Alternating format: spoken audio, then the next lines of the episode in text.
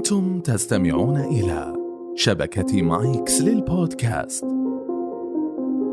بودكاست مهارات مع ماجد بن جعفر الغامدي.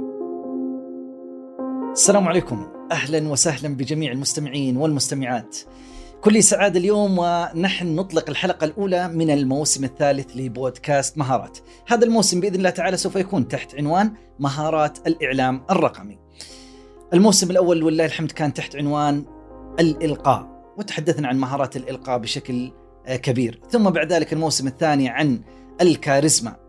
واليوم أيضا في عالم الإعلام الرقمي. جميع هذه تتحدث عن الاتصال سواء الإلقاء اتصال مع جمهور الكاريزما اتصال مع أناس تقابلهم مباشرة الإعلام الرقمي الاتصال عبر منصات التواصل الاجتماعي. أنا سعيد أن أقدم بودكاست في مجال تخصصي ودراستي وأيضا عملي. سعيد جدا بهذا التفاعل الذي أجده والصدى الذي نقرأه وهي فرصة انتهزها لأتقدم بالشكر والتقدير والامتنان الكبير لفريق العمل الذي يقوم على هذا البودكاست بودكاست مهارات. آه، شركة مايكس يعطيهم العافية فريق العمل كبير بقيادة المهندس عبد العزيز الهديان والذين يرصدون تفاعلكم.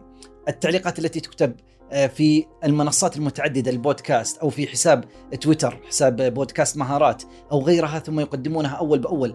آه، آخر الأمور التي اطلعت عليها وأسعدتني كثيرا هو أنه وصل عدد الاستماعات أكثر من مليون استماع لبودكاست مهارات، بالإضافة إلى نسبة جيدة بل ممتازة في الاستماع، الذي يفتح أي حلقة من بودكاست مهارات أنه النسبة العامة 85% يكملونها حتى نهاية الحلقة وهذه تعتبر نسبة جيدة جدا.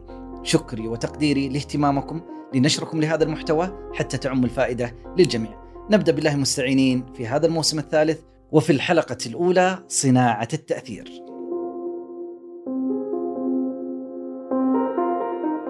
حقيقة الإعلام هو مفهوم كبير وواسع. ويندرج تحته العديد من الأقسام وواحدة منها الإعلام الرقمي الذي سوف نتناوله في هذا الموسم بإذن الله تعالى الدراسات تثبت أن هناك علاقة سببية بين التعرض لوسائل الإعلام وسلوك الناس.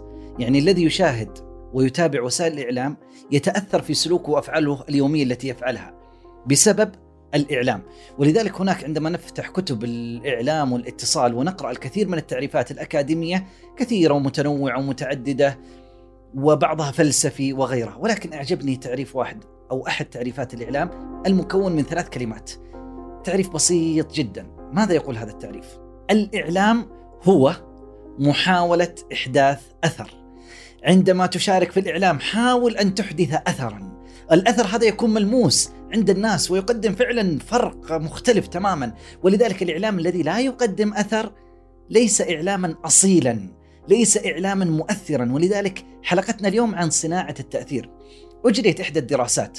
إذا أردت أن تغير أي مجتمع في البشر مجتمع وظيفي مجتمع مدينة كاملة مجتمع أيا كانوا يقولون حاول أن تغير خمسة أمور لدى هذا المجتمع. وهذه الخمسة أمور كلها عبر وسائل الإعلام تستطيع أن تؤثر فيهم وبشكل قوي. رقم واحد غير القناعات يتغير هذا المجتمع. اثنين الاهتمامات والاهتمامات تظهر أوقات الفراغ. الواحد جالس ما عنده شغلة يقول إيش أنا مهتم فيه؟ فهذه جزء من الاهتمامات غيرها يتغير الناس. ثلاثة القدوات. من قدواتك في المجتمع؟ ولذلك بعضهم يقول قل لي من قدوتك أقول لك من أنت لأنك دائما تقلده. القدوة هذه يتابع الواحد على السناب على تويتر على غيرها من المنصات وإذا رأى فعل فعل معين يروح يقلده تلقائيا ترى من غير ما يدرسها. العقل البشري يقود لذلك أنه يروح يقلده. فلذلك القدوات مهمة جدا في حياة الناس. والسؤال من أبرز قدوات المجتمع في العصر الحالي؟ هل هم العلماء المخترعين المفكرين أو قد يكون ناس آخرين أقل أهمية؟ رقم أربعة المهارات. تريد أن تغير مجتمع معين غير مهاراته لأن هذه المهارات تطور بشكل كبير جدا. مهارات التفكير النقدي مهارات التخطيط مهارات العمل مهارات البيت في مهارات كثيرة يستطيع الإنسان أن يتغير من خلالها. ولذلك هي أحد العناصر المهمة. رقم خمسة العلاقات.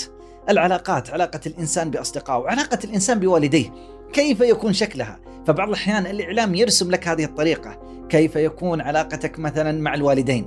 فيأتي في مشهد درامي معين آه، العلاقة قد تكون متوترة. علاقة الطالب مع الأستاذ علاقة الموظف مع المدير وبهذا الشكل. هذه العلاقات الإعلام يعطي إطار فيها. إذا نعود ونقول إذا أردت أن تؤثر في أي مجتمع فركز على خمسة أمور يتغير هذا المجتمع.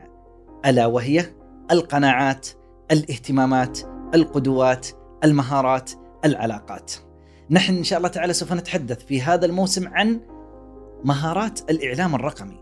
لماذا اخترنا الإعلام الرقمي؟ لأن كل زمان كان له وسيلة بدأ فيها وانطلق من خلالها وبدأ التأثير بها. مثلا كان في فترة من فترات الأداة الأكثر انتشارا وتأثيرا في المجتمع هو الإعلام المطبوع الصحف. عندما بدأت الصحف والجرائد والمجلات أحدثت ثورة عظيمة. ولذلك كان أحمد شوقي يقول واسمعوا الأبيات الشعر هذه يقول لكل زمان مضى آية وآية هذا الزمان الصحف.